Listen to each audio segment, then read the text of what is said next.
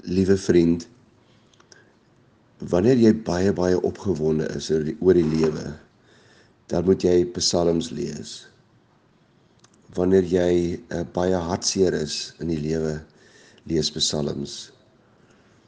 As jy ongelooflik bang is of baie vrees het, dan lees jy ook psalms. As jy ehm um, opgewonde is oor die lewe en oor dit wat toe toekom en in die toekoms gaan gebeur, dan lees jy op Psalms. As jy baie naby aan die Here voel en sy aftershave kan ruik en in so 'n fase in jou lewe is, dan moet jy asseblief Psalms lees.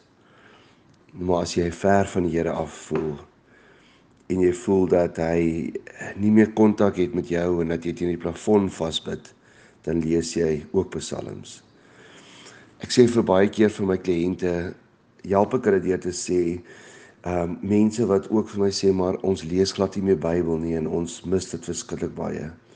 Sê ek altyd vir mense, gaan en begin net met die psalms. Begin by Psalm 1 en lees al die psalms, ehm um, miskien een per dag of as jy Psalm by Psalm 119 kom, een 'n week, maar dan dan lees jy tot by Psalm 150 en dan lees jy dit weer terug.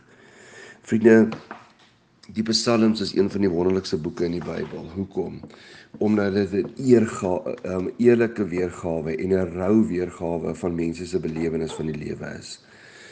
Dis waar mense nie doekies omdraai nie. Dis waar mense sommer net hulle hart voor God uitstort en dikwels ook nog of uitsing met 'n harp of 'n lier. Maar dis 'n ongelooflike boek. En vanoggend wil ek met u praat oor klaagpsalms. Daar is sulke goed ook. Wat is die verskil in Afrikaans tussen 'n klag met 1 A en 'n klaag met 2 A's? Ehm um, in Engels lamentations. 'n Klag met 1 A, vriende, is wanneer jy iemand aankla of wanneer jy vir God aankla. En wanneer jy vir God sê ek is nou klaar met jou. Maar met die klag met die 1 A gaan dit altyd daaroor dat jy jou rug op God draai wat jy sê ek kla jou aan, ek is klaar met jou, ek wil nooit ooit weer iets met jou te doen hê nie. Maar in 'n klaag met twee A's en daar's so 'n boek ook in die Bybel soos ek gesê klaagliedere gaan dit daaroor dat jy teenoor God worstel, dat jy ontnigter is met God dat hy vir jou soos wanneer 'n ma klein seentjie van 2, 3 jaar optel en hy's besig om te skop en te huil dat jy teen God se bors kan slaan en kan skop en dat hy jou lank genoeg vashou totdat jy kan rustig raak. Dit is 'n klaag met twee A's. Dat jy vir God kan sê: Here, sover dat ek U anders beleef. Hoekom is U nou so? Sover dat ek U as hierdie liefdevolle um, sorgende God ervaar. Maar ek ervaar U nou net in die teenoorgestelde. Maar vriende, in 'n klaag met twee A's beteken dit dat jy met God besig is. Dat jy vir hom jou vrae vra, dat jy teen sy bors slaan, dat jy op hom kan skree, dat jy by hom kan huil en dat jy by hom kan woedend wees. Dit is 'n klaag met twee A's.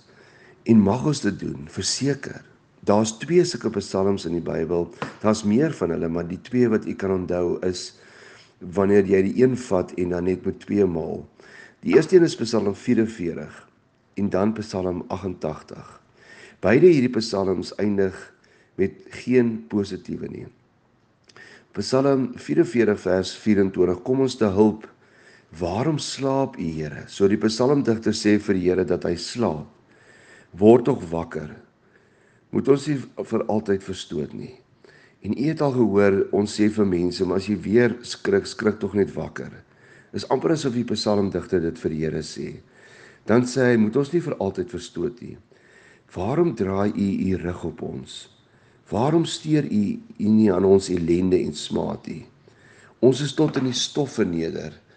Ons is teen die grond. En dan eindig hy in Psalm 88 vriende met soortgelyke woorde.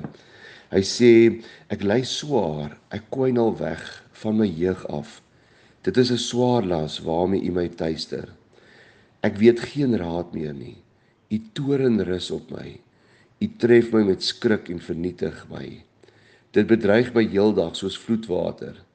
Dit sak op my toe van alle kante en dan U laat my vriende en my bure ver van my af staan. Met ander woorde, daar's nie meer hulp vir my nie.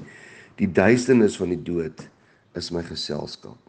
Vriende, soms voel ons so en dit is ook oukei, okay, want dit is klaagpsalms hierdie. En soms is deel van geloof, 'n deel van jou verhouding met God om teen sy bors te kan slaan en te kan klaag. As jy ver oggend so voel, moet net nie klag met een aan nie. Klaag by God en gee vir hom jou emosies en jou gevoelens.